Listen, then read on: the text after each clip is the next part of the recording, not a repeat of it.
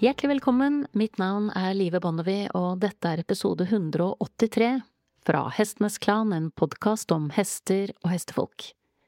Dagens gjest, Margrethe Lie, har en bachelor i hestevitenskap, en master i etologi og har en utdannelse som atferdskonsulent. Og dette er del tre av dette intervjuet. Så dersom du ikke har hørt del én og del to, så anbefaler jeg sterkt at du starter der. For vi går som vanlig rett på sak.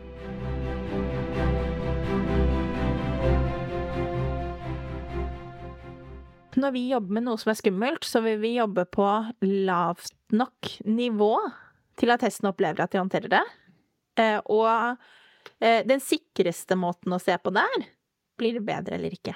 Og miljøtrening, hvis vi ikke er på en hest som ikke er psykisk frisk, og vi er på mot angst, det er, ganske, det er veldig effektivt. Så det vil si at du trenger ikke Altså, effektivitet i miljøtrening er unødvendig. Du kan jobbe kjempesakte, og det går fort. Sånn at hvis man er usikker på om man pusher hesten for langt, del det opp så du gjør halvparten så mye. Om det er ved å øke avstand, om det er ved å ha mindre bevegelse hvis det er noe du beveger på. Fordi jobber du på lavt nivå, så går du uansett fort. Ja, for det er det som er litt trikset her. Mm. Å ikke bli for uh, travel, for ivrig, for uh, Dette skulle For grådig. Mm. jo, men ikke sant. Det er jo, det er jo der vi møter oss selv litt i døra. Mm. Vi, og det er kanskje litt sånn samfunnstrenden er også. At man skal komme raskt til resultatene. Mm. Men på, spesielt på da miljøtrening Vi tar henger som et eksempel, da.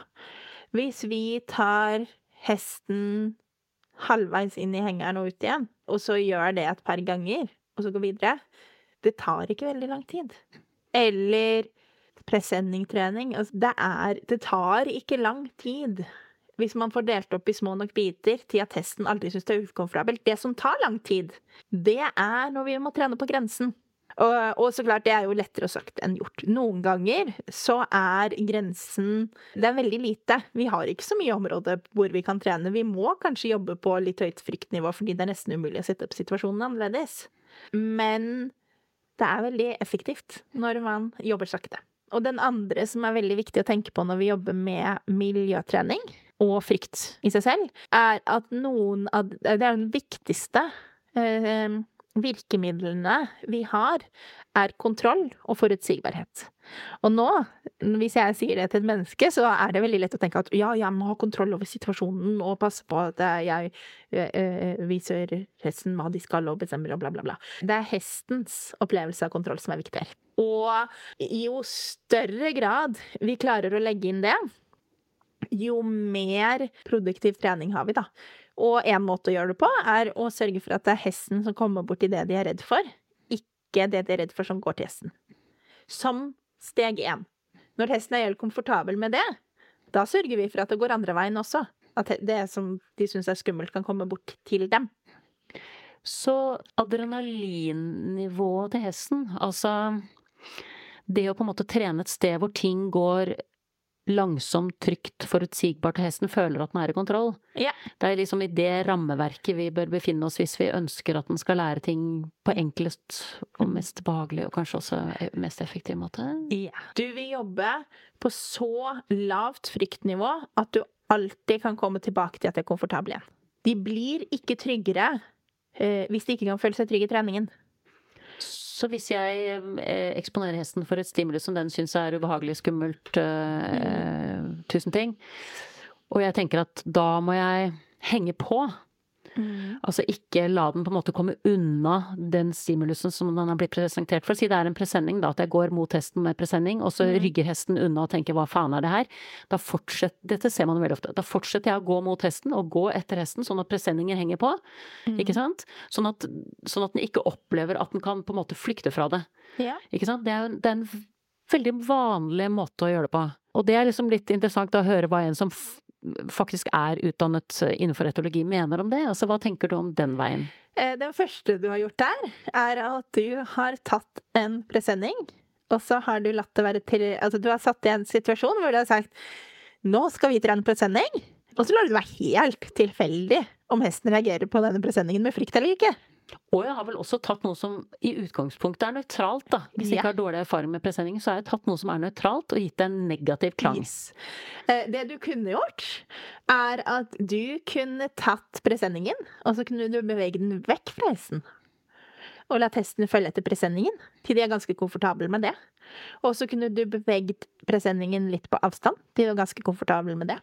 Og så kunne du tatt og krøllet den sammen i en liten ball. Eh, Og først tatt på hesten når du er 99% sikker på at deres respons på det er å stå stille. Og så kan du lage den litt større og ta på de, mens du fremdeles er 99% sikker på at deres respons er å stå stille. Og eh, ja, det er individforskjeller, men i utgangspunktet, på en hest som er relativt trygg på seg selv og verden, så kan du helt fint gå fra 'jeg vet ikke hva en presenning er', til eh, 'vi kaster presenningen så mye, med så mye lyd vi klarer', rundt og på hesten på et ja, kvarter, 30 minutter. Men ikke hvis du startet dette kvarteret 30 minuttene med å si La oss se om dette går bra eller ikke. Eh, Da har du passet på at hele veien så går det bra. Da går det fort. For den av, det tror jeg ofte folk undervurderer, at det å avlære eh, at presenning er blitt definert som noe farlig, det er ikke gjort på fem minutter. Nei. Altså, det er jo virkelig et stretch. Ja, det er det der med å sette opp ting sånn at det går sånn som vi ønsker. Og det er jo også erfaring. Ja, et eksempel på det. Nå det um, et av de stedene jeg reiste eh, når jeg var ute og reiste i verden, så var Return to Freedom i USA. Og da jobbet jeg Hadde jeg den prosessen mellom at hestene ikke kunne tas på i det hele tatt, og at de var leietrente og kunne børstes og koses med. Så kjempefornøyd. Hadde lært en av eh, første hesten jeg da lærte å ta på Grima. Det var så bra. Puttet Grima i hodet i Grima selv. Det var kjempefint. Jeg hadde ikke lært opp hesten å ta Grima. Eh, det tok to døgn. Eh, Da lærte jeg meg, før jeg tok på Grima og lot den være, å passe på at jeg kunne ta den av igjen. Um, og det er jo samme sånn all treningen, og så klart, vi gjør feil. Vi kommer alltid til å gjøre feil. Men hvis målet vårt er til enhver tid å prøve å sørge for at vi ikke setter oss selv og hesten, og jeg sier oss selv òg, for det det gjelder Altså, vi skal også være komfortable. I en situasjon som man ikke klarer å få til, så går ting ganske mye fortere. Og den med oss selv òg er eh, for meg ganske viktig, fordi for oss hestemennesker så er det jo veldig viktig å være tøffe. Vi skal jo ikke vise at vi er redde, eh, som om hesten ikke får med seg det uavhengig om vi viser det eller ikke, det er en annen sak. Eh, Men hvis vi ikke setter opp treningen i forhold til ikke bare hestens komfortsone, men vår komfortsone, så gjør vi det ganske sannsynlig at det går gærent. Så hestene speiler og reagerer på vår frykt. Så hvis vi setter opp treningen sånn at vi er redde, så forteller vi hesten at her er det noe farlig. Og så gjør vi sannsynligheten for at vi har rett i at det er grunn til å være redde, veldig, veldig stor. Så jeg pleier å si at når vi Hvis vi jobber med ting som er litt vanskelig, da, så skal vi jobbe innenfor komfortsonen av hest og menneske, den som har lavest komfortsone. Altså den av individene som Er som har- reddest. Ja, Og mest ukomfortabel. Så vi legger lista der. Vi legger Yes! Og vi jobber der. For uavhengig av om det er hest eller menneske eh, så hvor redselen sitter i utgangspunktet, så vil det smitte over på det andre individet. Og der kommer du inn på en annen litt interessant ting, og det er jo at det er ikke sikkert at jeg vil erkjenne for meg selv eh, og akseptere at jeg er redd. Nei. Men tviholde på en tanke i hodet om at det er jeg ikke, for jeg er så erfaren. Mm. Da er vi også ute i et område hvor det er eh, utfordrende å jobbe. Ja. Og som instruktør så er det området Så er vi da inni der hvor jeg ikke nødvendigvis legger opp treningen etter det du sier. Jeg legger opp treningen etter kroppsspråket ditt. Etter det jeg gjør. yes. Ja, for det blir jo viktig da at du som instruktør ja, kan, kan um, se forbi det jeg Ja, det som kommer ut av munnen min, da. Mm. Og er det, er det mye hesten da som forteller deg status, eller er det faktisk også mye meg, altså mitt kroppsspråk og, og hvordan jeg ordlegger meg? Både og. For det kroppsspråket når man er redd, er ganske likt. Man fryser, blir stille, mindre mimikk i ansiktet, løfter skuldrene, puster mindre. Så det er ikke så veldig vanskelig å lese på folk heller når de er komfortable. For det er jo lett å tenke litt på samme måte som at eh, når man skal respektere Hvis vi skal respektere frykten i for stor grad, så får vi jo ikke gjort noen ting, kommer ingen steder, bla, bla, bla. Samme som hvis vi skal gi hesten mulighet til å si nei, så kommer vi heller ikke Altså, da får vi ikke gjort noen ting. Men det er veldig, veldig, veldig, veldig mye mer effektivt. Så det er ikke bare det at det er hyggeligere og føles komfortabelt, det er også mer effektivt om vi klarer å jobbe innenfor komfortsonen. Og det betyr ikke at vi ikke skal jobbe med ting. Det betyr at vi skal dele det opp på en måte man håndterer. Og jeg ser veldig ofte eh, Faktisk, den er ganske mye både fysisk og eh, mentalt. Men hvis man skal gjøre noe man ikke helt vet om man får til, så går det gjerne i sånn mageplask.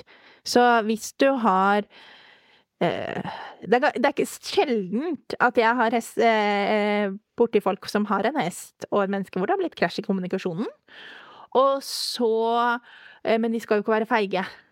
Så istedenfor at de har satt opp eh, for eksempel da at de har gått på tur sammen en annen hest og et menneske, at de kan få hjelp, at de er leid når de trenger det, så har de hoppet opp, og så skal de ri på tur alene fordi at det, vi skal kunne ri på tur.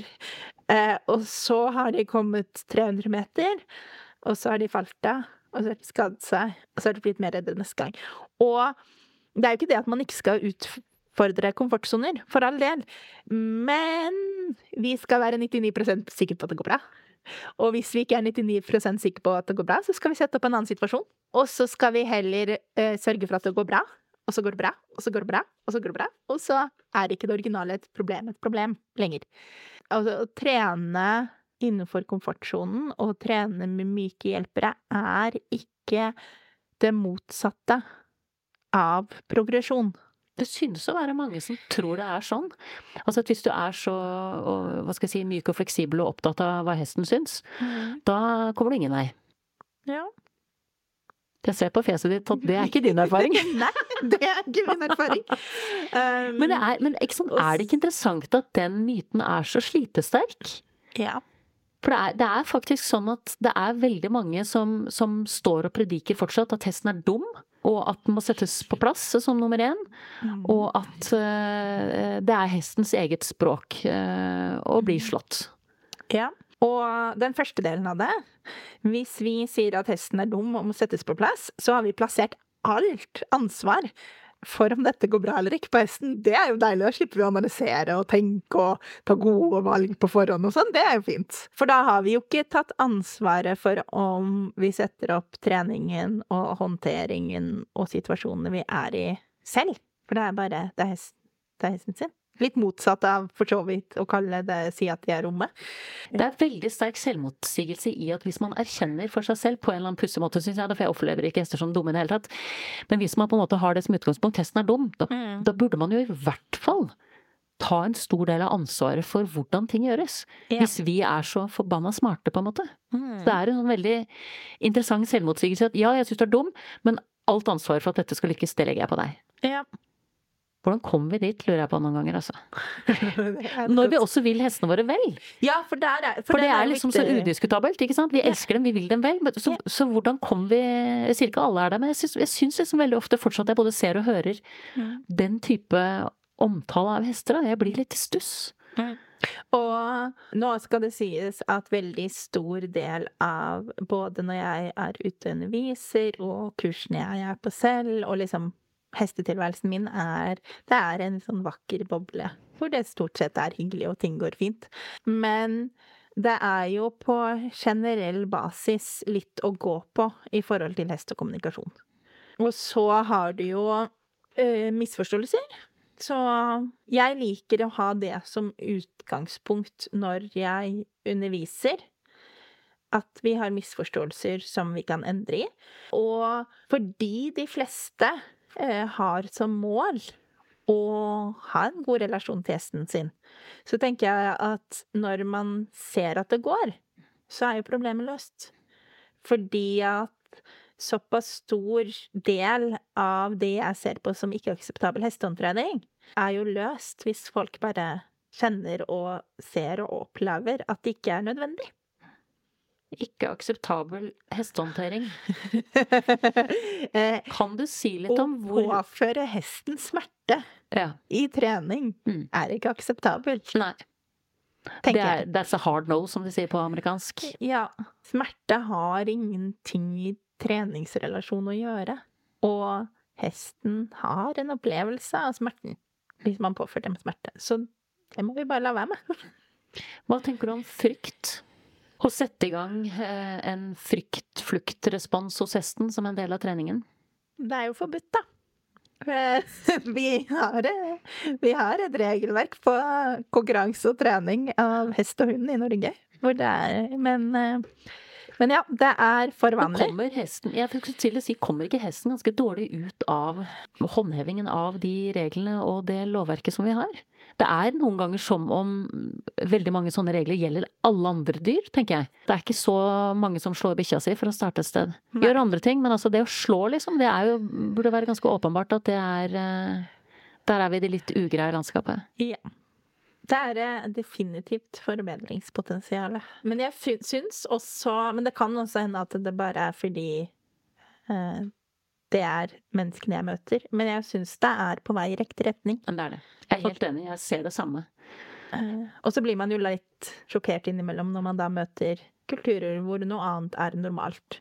Det er jo en stor grad en kulturgreie. Man blir Kan bli vant til at en ganske ekstrem mengde vold i treningen er normalt. Og da snakker du kultur som i et avgrenset miljø, på en Ja. måte? Ja. Ulike, kultur, ulike hestekulturer, for Ja. da innenfor, altså innenfor våre egne grenser, da. Det er Ja. ikke nødvendigvis kulturen i et annet land, vi snakker Nei, om men inn i forskjellige miljøer. Ja. Um, I forhold til det der med å la hesten ha en stemme Mm. og ha en mening, så er jo noe, noe av utfordringen er jo det der med å, å på en måte få vist og kommunisert det der med at å ha en stemme betyr ikke at hesten ikke har lyst til å være med. Det betyr at du må finne ut hva hesten syns er gøy, og legge opp treningen deretter. Altså, man kan jo gjøre kjempemasse med gøy. Og det betyr jo absolutt ikke at de ikke vil trene. Altså, jeg har motsatt problem. Spesielt altså de Det ble veldig tydelig. Vi startet jo før vi satte oss ned her med å gå ut til hestene. Jeg syns jo alltid det er interessant å se ikke sant, hva møter oss, hvilke blikk har de, ikke sant. Og disse her har jo det blikket som jeg liker å se, da. Hvor hesten er åpen og klar for hva skjer. ja. Nå kommer de, her er det et eller annet på gang. Istedenfor å ha den å gud, nå kommer det folk igjen. ja. Det er et dårlig deal for meg. Ikke sant? Det er to forskjellige blikk. Så, Eh, Så du ser eh, ja, en forventning og nysgjerrighet på hva bringer dette øyeblikket, da. ja. Positiv forventning, og det liker jeg å se. Og jeg vil jo veldig mye heller å ha litt dårlig samvittighet fordi at hestene mine syns at jeg burde trene dem mer enn jeg har kapasitet til, enn å ha dårlig samvittighet fordi at de ikke vil være med og trene, men jeg vil likevel. Og da er det jo sånn, altså i en realistisk verden, det betyr jo ikke at man ikke eh, I hvert fall for meg. Altså, hvis jeg har betalt 2000 for en leksjon, og de sier jeg kunne tenkt meg å stå og sove litt til først, så er det sånn ja, men beklager. Vi, vi, vi bruker den her halvtimen her likevel. Det er en veldig dyr halvtime. Og det betyr jo ikke da at de ikke vil være med den halvtimen. Selv om de har sagt kanskje vi skulle stått og sovet litt i stedet. Eller at man aldri gjør det. Men det betyr bare at grunnkommunikasjonen og det grunnleggende er at både hest og menneske har en stemme. Og resultatet av det blir som oftest ganske raskt at hesten vil. Ja, det er jo på en måte veldig enkelt å overføre til andre relasjoner i livet. Ikke sant? Mannen min ligger på sofaen og sover middagshvil etter jobb. Det har vært slitsomt. Jeg har lyst til å gå tur med bikkja, har lyst til å ha han med. Jeg dytter Ja. bort til han og sier 'blir du med på tur'? Og så er jeg for trøtt, liksom. Og så tenker jeg nei, bli med, da. Ja. Ikke sant? Det er sol, og det blir kjempefint, og jeg jeg har behov for å sove, liksom. Og så gir jeg meg ikke. Så henger jeg liksom litt på han, og så til slutt så får jeg han opp. Ja. Fra, fra horisontalen og opp i vertikalen. Han blir med ut i gangen og tar på skoene. Og så får vi en fin tur. Ja, jeg, jeg måtte dytte han liksom over den dørterskelen sånn at vi kom ut, men når vi først kom ut, så hadde han godt av det og var glad for at det skjedde. Mm. Så det er jo også noe med det der å Hvordan inviterer vi folk og fe med oss, ja. tenker jeg. Og så tenker og er det jo litt sånn Hvis du hver gang han ligger på og slapper av, vil ha han til å gå på tur Akkurat da. akkurat da, så, da ja, så blir jo kanskje ikke det det, det, det kan gjøre noe med relasjonen, da.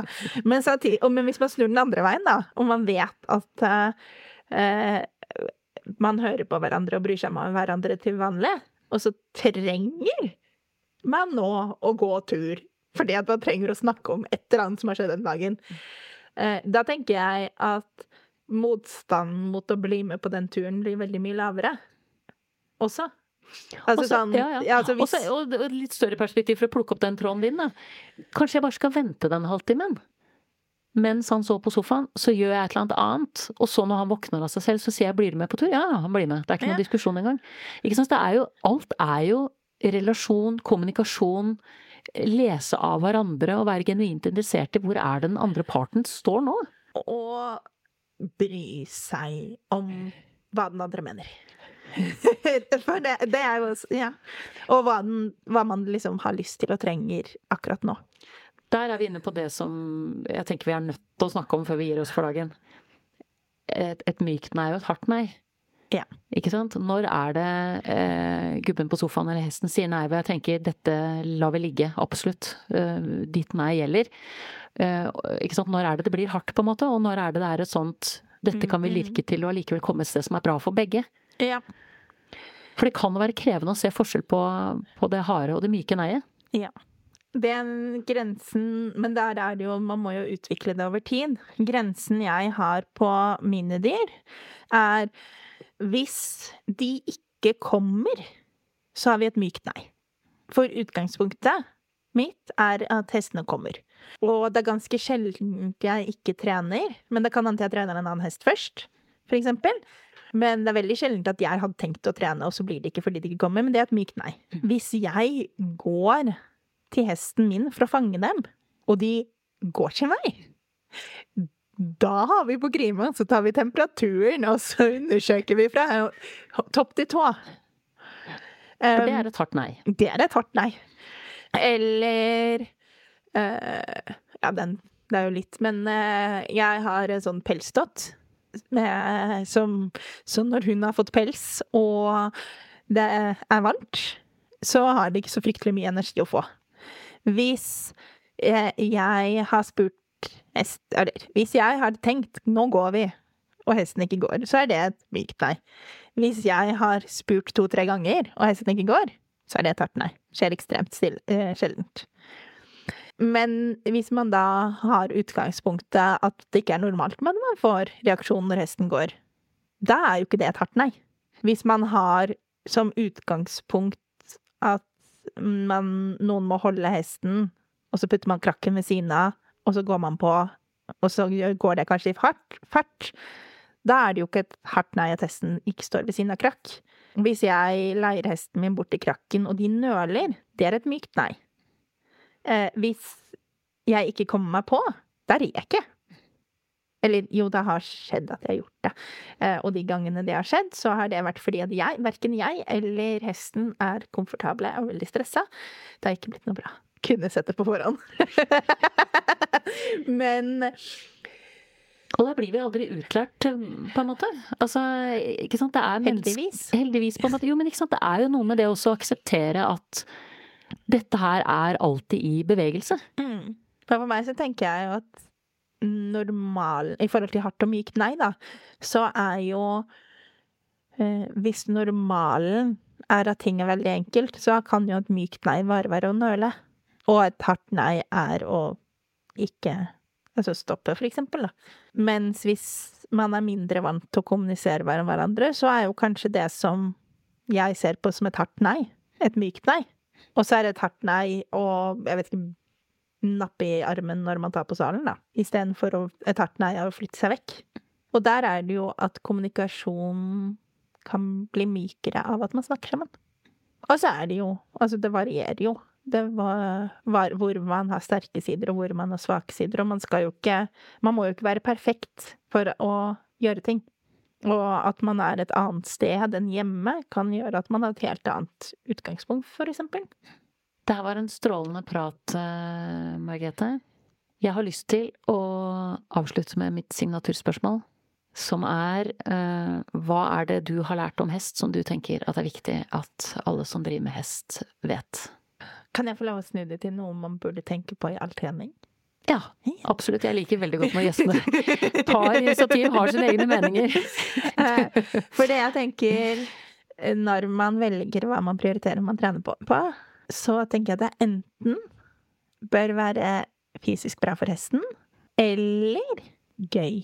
Og hvis man hadde fokusert Altså, det er veldig lett, mye lettere å si til andre enn til seg selv, men hvis vi bare kunne fokusert litt mer på hva syns jeg faktisk er gøy å gjøre sammen med hesten min, og når vi får til det som vi syns er moro, så er det bra.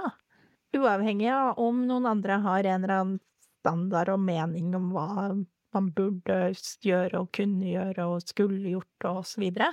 Har man det gøy sammen? Det er jo, altså Vi bruker veldig mye penger på den hobbyen, og har man det gøy sammen, så er jo det nok. Og det må jo gå begge veier. For det er veldig, det er veldig mye hyggeligere å jobbe med en hest som syns det er morsomt å jobbe med oss. Strålende. Tusen hjertelig takk eh, for praten. Takk selv. Det var veldig hyggelig. Det er veldig hyggelig å endelig få, få møtt deg, rett og slett. Ja. Mm. Det er eh, Jeg har jo fulgt med en stund, så det er, det moro. Du har nettopp hørt episode 183 og siste del av intervjuet med Margrethe Lie fra Hestenes Klan, en podkast om hester og hestefolk. Og jeg håper du deler disse episodene med folk som enten kan ha glede av å høre dem, eller som har hester som kunne hatt glede av at eieren hadde utvidet sin kompetanse litt, og kanskje også horisonten litt, og fått opp øynene for en type trening som holder seg innenfor det eksisterende lovverket i Norge i dag. Det er uforståelig at det å påføre hesten frykt, eller utsette den for vold, er nær normalisert i enkelte miljøer. Det kan være greit at vi alle minner hverandre på at dette faktisk er forbudt ved lov, og dermed også straffbart. Så neste gang du deltar på et kurs, hyrer inn en trener eller sitter på tilskuerbenken i et ridehus eller ved en ridebane og er vitne til hester som ikke presterer normalt fordi de ikke er i form til det, hester som blir jaget eller slått, eller på annen måte lider overlast, da håper jeg at du reiser deg og hever stemmen på hestens vegne. Og har du ikke signert oppropet hashtag Let Horses Speak og meldt deg inn i Alliance for Horse Welfare in Sport ennå, så er dette tiden å gjøre det på. Du finner linker til det hele på hjemmesiden min www.livebonnevie.no. Og med det så starter jeg nedtellingen til Dyregalla på fredag denne uken der podkasten og jeg for andre året på rad er nominert til årets hederspris. Det er en stor ære å være blant de nominerte, og jeg vil takke alle dere som har stemt oss frem. Da gjenstår det bare for meg å takke min faste komponist Fredrik Blom, designeren av podkastens visuelle profil, Ove Hals, min lyddesigner Stig Holte, min gjest Margrethe Lie, og sist, men ikke minst, vil jeg som alltid takke deg, kjære lytter, for tålmodigheten. Måtte hesten for alltid være med deg.